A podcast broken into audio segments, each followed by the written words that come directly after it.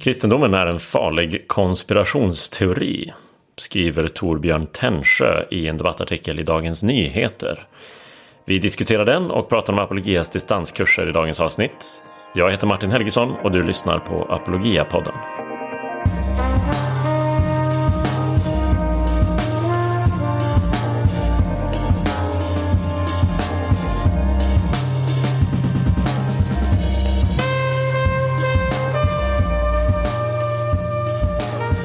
Härligt, då är vi tillbaka i Apologia-poddens studio och spelar in eh, årets första, eh, första avsnitt, Stefan. Har du haft en bra start på 2023?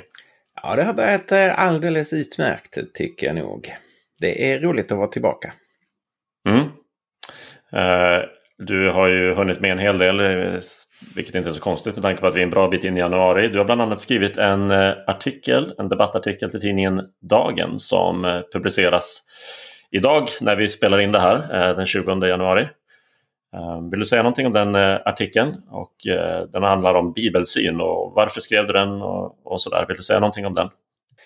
Ja, det är en respons på en artikel som professor Greger Andersson skrev i Dagen och som handlar just om bibelsyn och eh, där Greger Andersson ehm, kan man säga ifrågasätter en hel del av en, av en klassisk bibelsyn.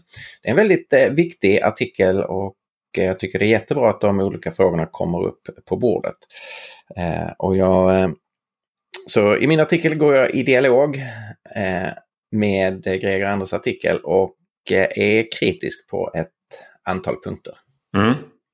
Uh, bibelsyn hör ju till en av uh, på något sätt kärnfrågorna för oss här i Apologia. Så att uh, kan verkligen rekommendera uh, ni som lyssnar att gå in och läsa den artikeln. Vi länkar till den i, i beskrivningen här till det här avsnittet. Så, så kan du lätt kolla upp den. Är ju, att, att just bibelsyn är en så avgörande fråga. Det har ju med frågan om auktoritet och det är en av mina huvudpunkter i artikeln. Att alla människor kommer ju att styras av eh, något som blir ens auktoritet. Det som vägleder en. Och när det gäller innehållet i kristen tro så blir det ju en, en helt avgörande fråga. Vad är auktoritet för innehållet i det som vi tror på? Vad ska bestämma över vad kristen tro är för någonting? Ja, eh, som sagt, gå in och läs den eh, när du lyssnat färdigt på det här avsnittet. Um, den, är, eh, den är väl värd att läsa. Vi ska prata om någon annan som har uh, varit tidigt uppe ur sängen 2023 och skrivit en debattartikel, nämligen Torbjörn Tännsjö. Men innan vi kommer in på det, som är dagens huvudämne, så tycker jag att vi ska ta några minuter och prata om uh, någonting som är på gång här i Apologia. Det är nytt år och ny termin, vilket betyder nya distanskurser för oss i Apologia. Och det här är alltid någonting som vi ser, eh, ser mycket fram emot, att få starta upp en ny termin. Och den här terminen, Stefan, så har vi inte mindre än tre helt nya kurser som vi erbjuder. Sprillans nya! Jajamän, de är så, de är så blanka så att man måste blunda nästan eh, när man läser eh, rubrikerna för dem. Men vill inte du säga några ord om kursen som du håller i, som handlar om den sexuella revolutionen? Just det, sex onsdagskvällar, lämpligt antal, eh, så ska vi ha en kurs om den sexuella revolutionen. Och det handlar helt enkelt om att försöka förstå den, eh, eller de väldigt dramatiska förändringar som vår kultur har genomgått när det gäller synen på sexualitet, eh, på, på kropp, på relationer och äktenskap. Och eh, förändringar som ju har sköljt över kulturen eh, och som nu sköljer över den, eh, den kristna kyrkan och har gjort under en ganska lång tid. Mm. Eh, så det blir ehm, eh, eh, rykande aktuella men också eh, väldigt viktiga och, och för mänskligt liv väldigt centrala frågor. Hur ska man förstå sig själv som en sexuell och kroppslig varelse? Mm. Absolut, det, det, blir, jag tror det kommer bli en superintressant kurs och den, eh, den eh, har alltså sex stycken eh, träffar och däremellan kommer man få ha tid att läsa i en kursbok och sådär. Så att den är väldigt överkomlig om man tänker i tidsomfång att, att anmäla sig till den. Sen kommer jag hålla i en kurs som vi kallar Obegriplig bibel och den handlar om svåra bibelställen. Och där bland annat med hjälp av några av er Eh, vänner till Apologia som eh, var aktiva på vår Facebook-sida. Och tack vare bra förslag från er så kom vi fram till att vi faktiskt skulle köra en kurs om svåra bibelställen som bara fokuserar på Nya Testamentet. Vi har ju alla stött på de där bibelställena som vi hajar till inför, eh, antingen det nu är historiska frågetecken eller saker som känns moraliskt tvivelaktiga eller som eh, kanske känns som en motsägelse med, med något annat man har läst va, och tror. Eh, så, eh, eller som rent av bara är, är, är konstiga. Ja, absolut. man begriper inte vad Nej. det handlar om. Ja, det finns några sådana. Och eh, vi har eh, satt ihop en kurs då som har nio träffar där vi pratar lite allmänt om hur kan man Eh, liksom, vad beror det på? Hur ska vi hantera det faktum att Bibeln är så pass svår eh, på sina ställen? Men sen kommer vi också då ta itu med några av de här riktigt klassiska svåra, klassiskt svåra ställena som folk brukar studsa på. Mm. Så den kommer jag hålla i, men du kommer ju titta in där Stefan och Ray kommer göra det också. Jag tror att det kommer bli riktigt, riktigt roligt. Um, ska vi säga någonting om de andra två kurserna också, även om vi inte är så centrala där. Vi har en kurs med Mats Selander som heter Människovärdet i vågskålen. Och den kommer handla om en kristen etik, eh, en kristen människosyn och särskilt eh, några sådana här brännande frågor som har att göra med människovärdet i, vid livets början och slut. Abort, dödshjälp, eh, IVF, ett antal andra sakfrågor. Men grundade i en, i en helhetssyn på vad en människa är, vad en människa är värd, vem som inkluderas i mänskliga rättigheter som ju är ett av eh, viktigaste begreppen i vår kultur. Det har ju varit väldigt självklart för eh, kristna historiskt och eh, globalt sett är det i, i de flesta sammanhang fortfarande väldigt självklart att vara det som man på engelska säger, eh, uttrycker som pro-life, att vara för livet. Ja. Men det är ju en frågeställning som det mesta av kristenheten i Sverige ser ut att ha släppt. Man, åtminstone har man tystnat mm. eh, och pratar inte mycket om eh, sådana frågor. Ehm, så det är också en, en väldigt viktig kurs. Vad är en kristen syn på det mänskliga livet?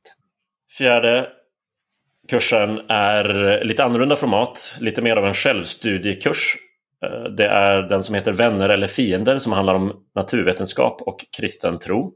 Och i den här kursen så finns det ett antal förinspelade föreläsningar med Mats och med dig Stefan som handlar eh, dels om hur, hur vetenskapen förhåller sig till olika världsbilder. Det kommer vi återkomma till när vi pratar om Tännsjös artikel.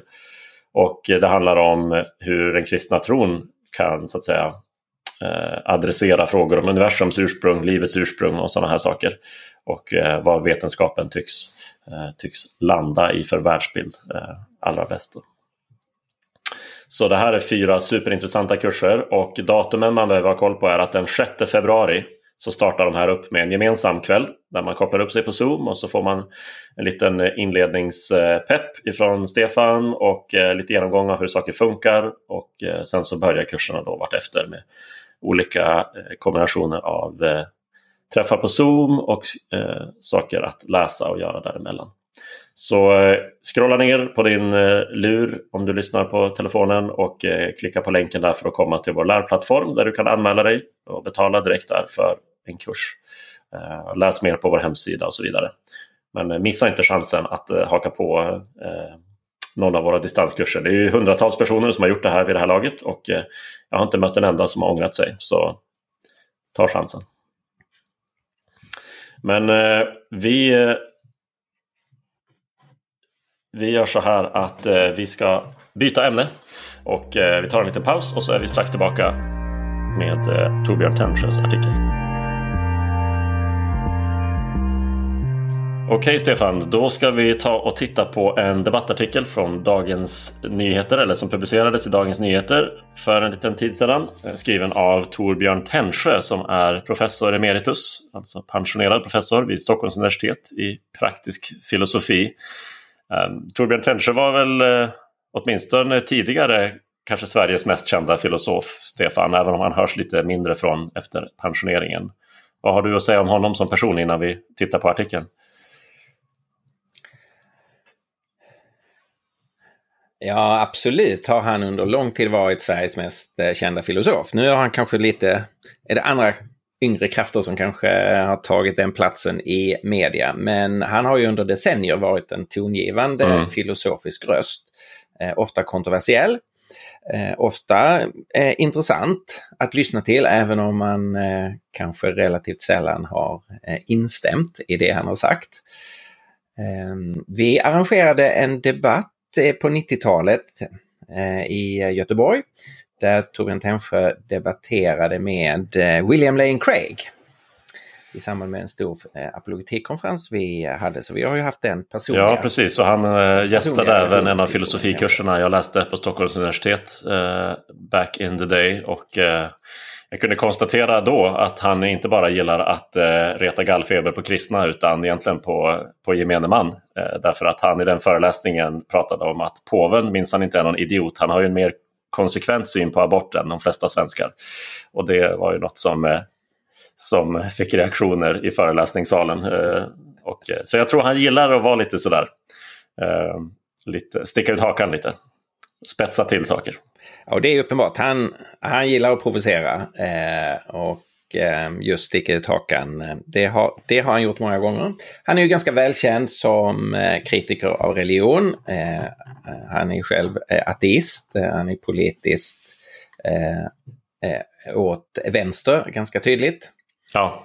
Eh, så han har ju tagit ställning i många olika sorters frågor. Precis. Eh, synd för honom att eh, vi här i studion inte är så lätt provocerade av oss. Eh, men vi tycker att artikeln är eh, ändå värd att kommentera därför att han gör ett, ett antal ganska anmärkningsvärda påståenden där som, som vi tycker är värda att, att ta upp. Vi kanske skulle göra så helt enkelt att jag läser två av nyckelformuleringarna. så, så får det bli en liten ingång och sen kan vi prata om både det vi tyckte var positivt och det vi tyckte var negativt med artikeln här. Yes, kör! Um, och uh, då kan vi väl börja här där han säger att uh, alltså hans centrala tes är att konspirationsteorier är någonting väldigt destruktivt att ha i ett samhälle. Men han tycker att det är märkligt att den kristna tron som han betraktar som konspirationsteori har någon, någon slags särställning. Och då skriver han så här. Just den kristna konspirationen med dess alternativa fakta, och med det menar han underverk, faktaresistens, att vi skulle överleva vår död, och föreställning om historien som ett proxykrig mellan det goda och det onda åtnjuter en särställning.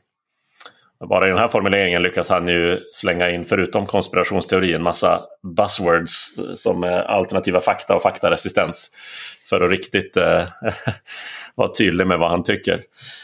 Um, men eh, om, eh, om vi... Ja, vad skulle vi säga Stefan? Vad, om vi skulle börja med att lyfta fram något som vi tycker är positivt med den här artikeln. Eh, mycket av artikeln handlar ju om religionens plats i samhället.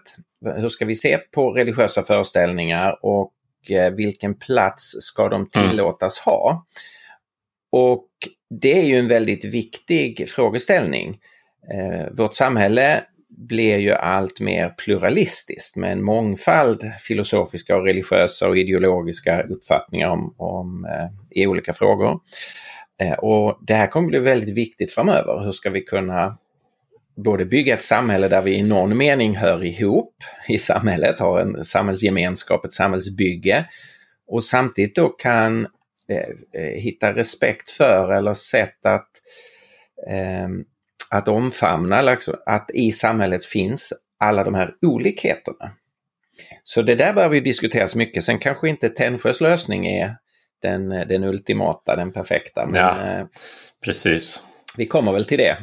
Ja, vi gör ju det och eh, man anar ju här eh, på och mellan raderna kanske en viss frustration just över att eh, tvärt vad han skulle önska så, så får såväl den kristna tron som andra religiösa världsbilder och livsåskådningar ett större utrymme i det offentliga samtalet nu än vad det har gjort under några decennier. Och det, det kan ju knappast vara något som han är, är överförtjust över. Han tycks ju eh, liksom eh, lite eh, förbluffad över att tidningen han själv skriver i Dagens Nyheter eh, har med en artikel från Björn Wiman till exempel som är positiv till kristen tro och sådär. Så att, eh, ja, det, är, det, det är bra att han för upp den här diskussionen då ännu mer till ytan. Och sen har han ju en, eh, eh, som filosof så kan man, eh, så lyfter han ju upp sanningsfrågan och han är ju frustrerad över en del av de, de kristna rösterna som han tycker eh, inte tar sanningsfrågan på allvar. Och då nämner han ju Björn Weman, DNs egen kulturchef, som kom ut som kristen här Ja. eh, inför julen och han nämner eh, Joel Halldorf. Eh, och den mer liksom pragmatiska synen på religion och synen på religion som, eh, som praktik, alltså som någonting man utövar lite oberoende av sanningsfrågan. Eh, och det där tycker jag ju också Ja. är någonting väldigt viktigt att, att, eh, att diskutera synen på religion, eller i det här fallet synen på den kristna tron. I vilken mening har den kristna tron sanningsanspråk? Och på vilket sätt är den enbart en praktik som gör att vi Ja. upplever eh, mening och, och sammanhang och, och skapar någon sorts stabilitet eller mönster i vårt liv i en för övrigt kaotisk tillvaro. Eh, och där eh, kan jag ju dela Torbjörn Tännsjös frustration över att så pass många kristna röster idag tonar ner sanningsfrågan och verkar betona, och det är ju lite olika om man ser det som enbart praktik eller om man lyfter fram att praktiken är i vilket fall det, det liksom centrala. Eh, och där skulle jag ju säga det, förlåt, Exakt. Nej, ur vårt perspektiv. Ja, man vill ju inte spela ut kristen tro så som den levs ut mot den intellektuella sidan, sanningsanspråken som är inbakade. Eh, så att idealiskt sett hör de ju ihop. Men, men eh, jag delar ju din frustration över att det ibland kanske drar åt, eh, åt den mer funktionella sidan av tron. Så att säga. Just för att ja, man kanske vill slippa ta i de, de, eh, det Ja, som han det, beskriver som de är mer hårda att, eh, frågorna, just att sanningsfrågorna. inte spela ut dem utan se att de med nödvändighet eh, hänger ihop.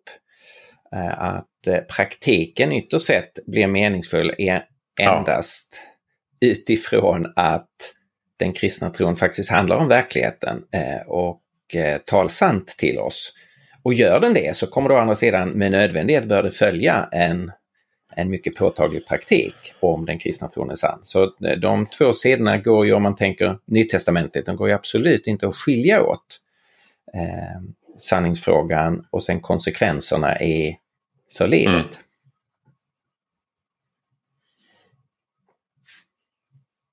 Precis. Men det här som är hans centrala eh, påstående, hans lite frontalangrepp på den kristna tron. När han, eh, Tännsjö väljer att, att kalla den för en, en konspirationsteori. Det är ett kraftfullt retoriskt knep kan man säga. Eh, därför att det är något som har diskuterats mycket de senaste åren. Problemet med faktaresistens och konspirationsteorier. Eh, många av oss har människor i vår närhet som hänfaller åt sådana förklaringsmodeller och eh, vi kan alla se faran i dem. Men eh,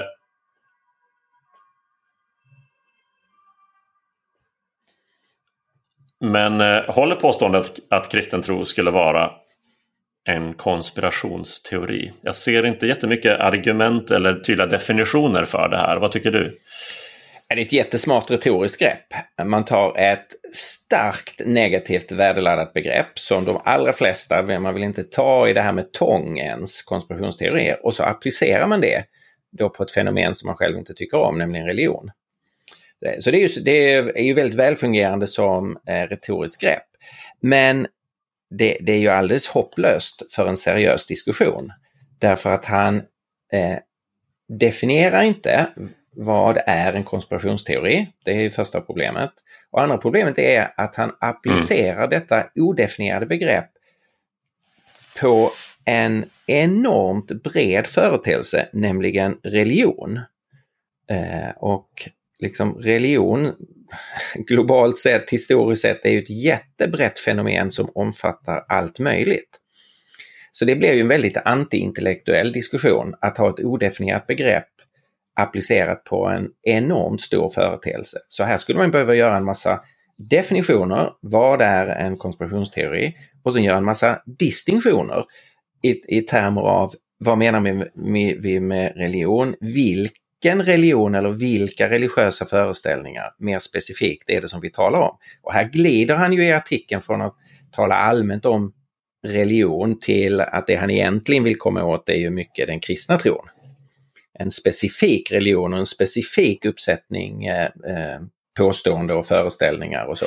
Man hade ju velat ha något bättre här av en, av en eh, professor i filosofi än, än den sortens liksom rallarsving konspirationsteorier som ord signalerar ju lite grann att det här är människor som det inte är lönt att argumentera med. Vad du än säger så kommer de ha en invändning och så vidare. Att det på något sätt inte går att ha en saklig diskussion.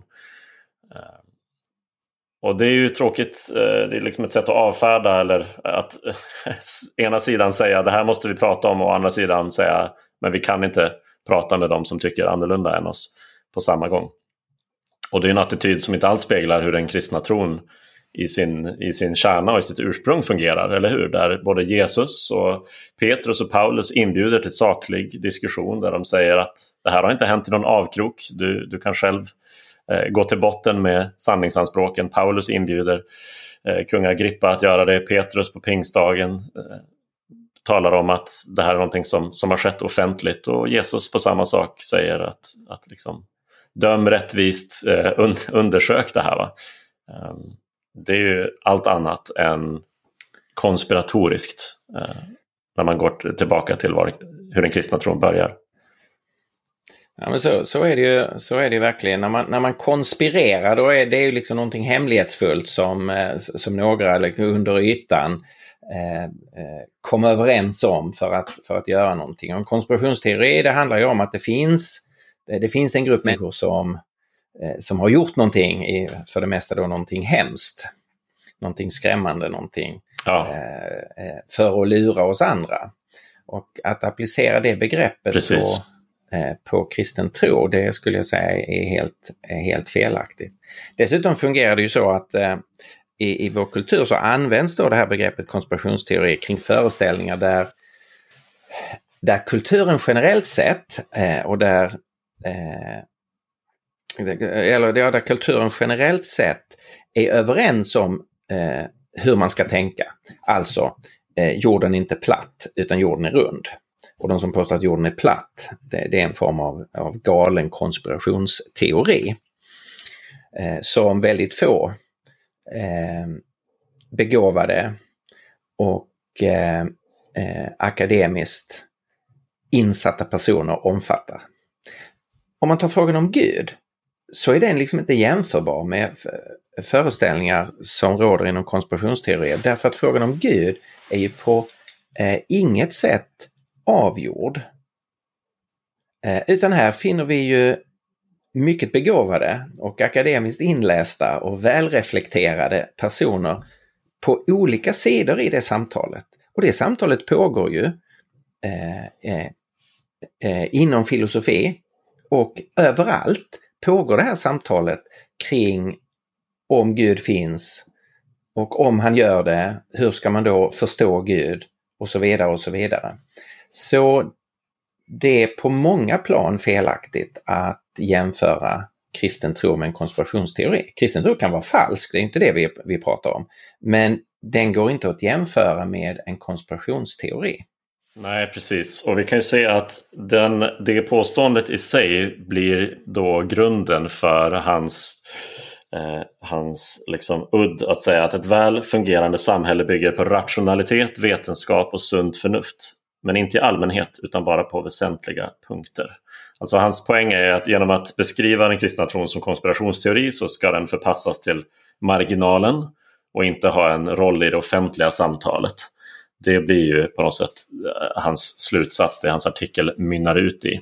Så eh, tron kan möjligen tolereras då som en privat sak men ska inte få finnas i offentligheten. Det här har man ju hört förut Stefan. Vad är din typiska respons? Ja, här, här eh, eh, uttrycker ju eh, eh Tännsjö, eller eh, blir ett uttryck för en, en sorts blindhet som är förvånande eftersom det kommer från en, en filosof. En blindhet på ett par punkter. Dels så verkar han sätta rationalitet, vetenskap och sunt förnuft i kontrast till religiösa föreställningar. Eh, och det gör han ju helt utan att belägga det eller argumentera för det. Det är bara ett naket påstående. Mm. Och sen verkar han tänka att du kan bygga ett samhälle utifrån rationalitet, vetenskap och sunt förnuft. Som om det var det mest grundläggande. Men i verkligheten så eh, bakom, under, före dem så finns det värderingar eller en livssyn eller en världsbild som sen rationaliteten eh, reflekterar kring. Så det finns ju inget samhälle utan en bakomliggande världsbild. Men det är precis som om Tännsjö vill, eh, vill förneka det och tänka sig att det finns någon sorts naken rationalitet. Och som om vetenskapen skulle kunna lägga grunden för ett, eh, för ett samhälle. Vetenskapen kan ju inte säga ett, ett enda ord om människovärde eller eh, jämlikhet. Eller vad som ska vara målet för ett samhällsbygge. Nej, det går ju varken att, att föreställa sig ett samhälle utan eh, några som helst underliggande världsbildsantaganden eller värderingar. Men inte heller en enskild människa. Och det blir ju då så väldigt inkonsekvent att hävda att vissa människor ska lämna sin världsbild åt sidan för att få existera i offentligheten. Medan andra tillåts agera utifrån sin världsbild i offentligheten. Där sätter han ju upp regler som han själv inte efterlever. Nej, det är den, det är, där fångar du precis den här blindheten.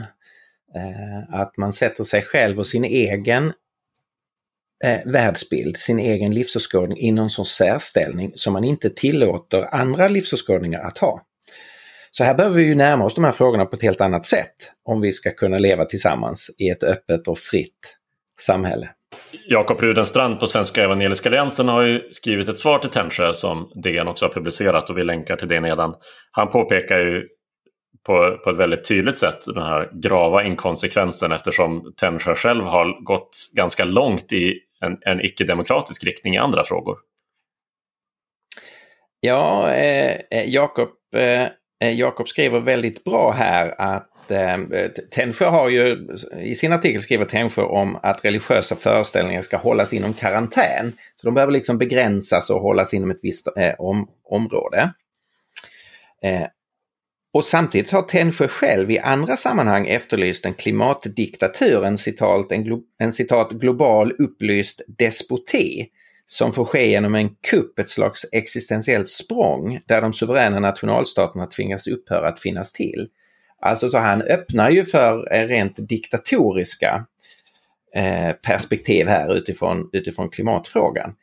Och det blir väldigt egendomligt att säga att ni religiösa människor, eh, era föreställningar, ja visst, eh, ni får lov att ha dem men de ska hållas inom strikt karantän för de hotar på något sätt demokratin. Och sen i ett annat samtal vara beredd att tala om en, eh, en global despoti. Så det är ju verkligen motsägelsefullt. Ja, det är, det är lite dubbla standarder här helt enkelt. Um, om vi skulle för det tredje återkomma till något som kanske inte hör till det, det centrala i artikeln men som ändå behöver tas upp så är det hans påstående om kristendomen som den främsta grogrunden för antisemitism. Uh, den giftigaste grogrunden skriver han ordagrant och, och nämner där både evangelierna och den heliga Birgitta och Martin Luther. Vad säger du Stefan? Antisemitism inom kristendomen inom kyrkan. Hur skulle, vad, vad är din, eh, är dina tankar om det och din respons på det? Ja, det gör ju ont i hjärtat när det tas upp därför att tyvärr är ju stora delar av det som Tännsjö säger där är ju helt sant. Nämligen att det har funnits en stark antisemitism i den kristna kyrkan. Eh, och hos många kristna eh, företrädare. Eh, men däremot så är det ju eh, felaktigt att försöka förlägga den till evangelierna och eh, Nya Testamentet. Därför att evangelierna handlar ju om juden Jesus och kallar oss att tro på honom och följa honom. Hans första lärjungar var judar och de flesta av författarna till evangelierna var judar. Så här finns ju absolut ingenting antijudiskt.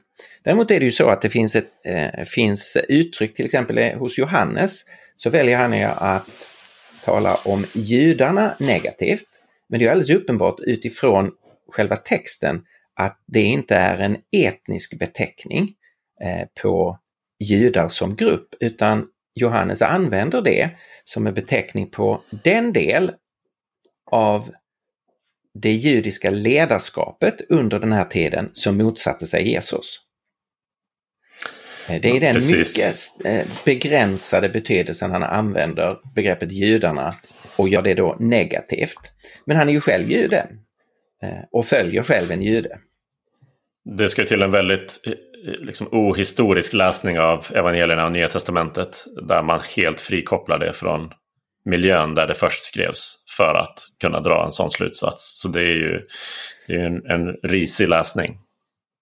Så antisemitismen som sen tyvärr eh, finns i kyrkan, eh, den har inte sina rötter i de bibliska texterna, varken i Gamla eller Nya Testamentet, utan antisemitismen har ju funnits i kulturen, har då dessvärre plockats upp av, av kristna och sen utifrån en antisemitism man har fått från andra håll har man, eh, har man sen eh, eh, misstolkat och ryckt några enskilda uttryck eh, ur Nya Testamentet eh, och låtit det bli en, en motivering.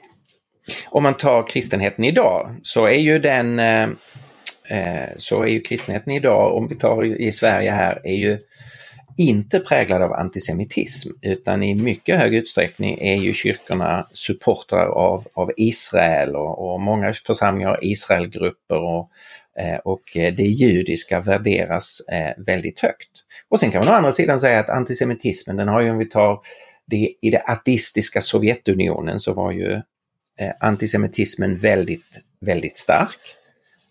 Och idag så kan vi ju se att i Sverige så är ju den, den stor, det stora problemet med antisemitism kommer ju från, eh, från invandrargrupper från Mellanöstern och från, eh, finns ju i muslimska sammanhang. så det är en ganska Eh, det, eh, det är en ganska onyanserad beskrivning som Tännsjö mm. ger i sin artikel. Ja, okej, okay, så för att sammanfatta då så var det ju kul att Tännsjö skrev en artikel och den för upp en massa bra intressanta frågor att diskutera. Men det finns en hel del här där man skulle vilja säga gör om, gör rätt. Kom tillbaka med bättre definitioner, eh, tydliga argument. Ofta när man läser, när man läser en debattartikel är det någonstans den första eh, frågan man ska ställa sig eller kanske den andra efter man har försökt komma fram till vad är det den här artikeln syftar till och vill säga så är den andra frågan, har jag fått några argument eller har jag bara fått eh, nakna hävdanden och påståenden? Ja, men just, just, det, här, just det där eh, illustreras ju av det som en, eh, av ett textavsnitt, det som du läste i början här Martin. Och ett, ett avsnitt som är väl det avsnittet vi är allra mest kritiska till. Tännsjö skriver därför, eh, bara för att repetera det, just den kristna konspirationen med dess alternativa fakta, underverk, faktaresistens, att vi överlever vår död och föreställningen om historien som ett proxykrig mellan det goda Gud och det onda djävulen åtnjuter en särställning. Det är ju en ganska häpnadsväckande eh, eh mening. Alltså att underverk skulle handla om alternativa, eh, alternativa fakta. Nej, det handlar ju om vår filosofiska förståelse. Från båda sidor är vi helt överens om att tillvaron är regelbunden. Vi kan beskriva hur tillvaron fungerar i termer av naturlagar.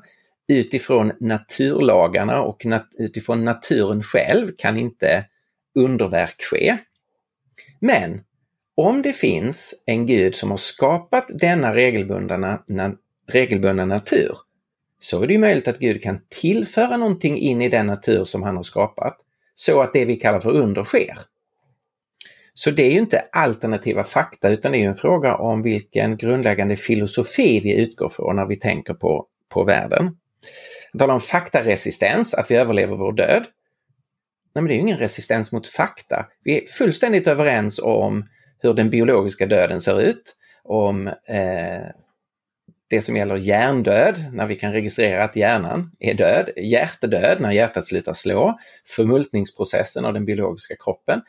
Och det är ju så långt vetenskapen kan säga någonting om vad som sker. Därför att naturvetenskapen kan bara uttala sig om naturen. Sen är det ju en filosofisk fråga, är människan mer än natur?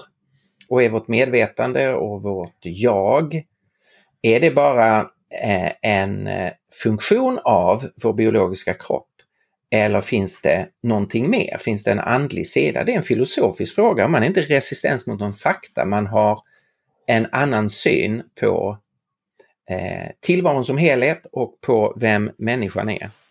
Och på samma sätt att det skulle vara ett proxykrig, det är ju helt enkelt att, eh, eh att det som sker i den här världen skulle vara uttryck för krafter som också står utanför och bortom den här världen men som agerar eh, i och via den, den här världen, att det skulle finnas en god och en ond makt. Eh, ja, det är på samma sätt en världsbildsfråga. Vi kan ju kosmologiskt undersöka detta kosmos, men det är ju helt omöjligt att säga att detta kosmos är det enda som har existens. Eh, så här är han ju väldigt arrogant i att beskriva sin egen världsbild och filosofi så som vore den fakta. Och han ser ju ut att missförstå naturvetenskapens roll. Som om naturvetenskapen skulle kunna uttala sig i frågan om det finns någonting mer än natur. Vilket den Precis. ju inte kan. Så det var en, en lång kommentar kring liksom den punkten där vi där det ändå skiljer sig mest markant åt och där man blir lite förvånad att en, en professor i filosofi uttrycker sig på detta gymnasiala sätt i stora grundläggande filosofiska frågor. Och med de eh, orden så tänker jag att vi lämnar eh, Tännsjös artikel Eh, för nu i alla fall. Vi får väl se om det inkommer något svar i den här eh, diskussionen från hans sida eller från någon annan som är värt att ta upp. Men eh, tills vidare så kan ni kolla länkarna i avsnittsbeskrivningen för att läsa Tännsjös egen artikel. Om ni vill det, Jakobs svar, Jakob Rudenstrands svar. Och den, den viktigaste passningen annars från mig personligen just nu är ju att kolla upp våra distanskurser. Eh, därför att nu är det bara några veckor tills vi kör igång och eh, anmälan är öppen och eh, det finns plats för dig på någon av de här fyra riktigt intressanta kurserna som flera av dem har, har beröringspunkter med de ämnen som vi har pratat om idag. Så Stefan, tack för att du tittade in i studion och pratade om artikeln här med mig och till dig och till alla er lyssnare säger jag trevlig helg eller fortsatt trevlig dag beroende på när du lyssnar på det här. Vi hörs nästa gång på Apologia-podden.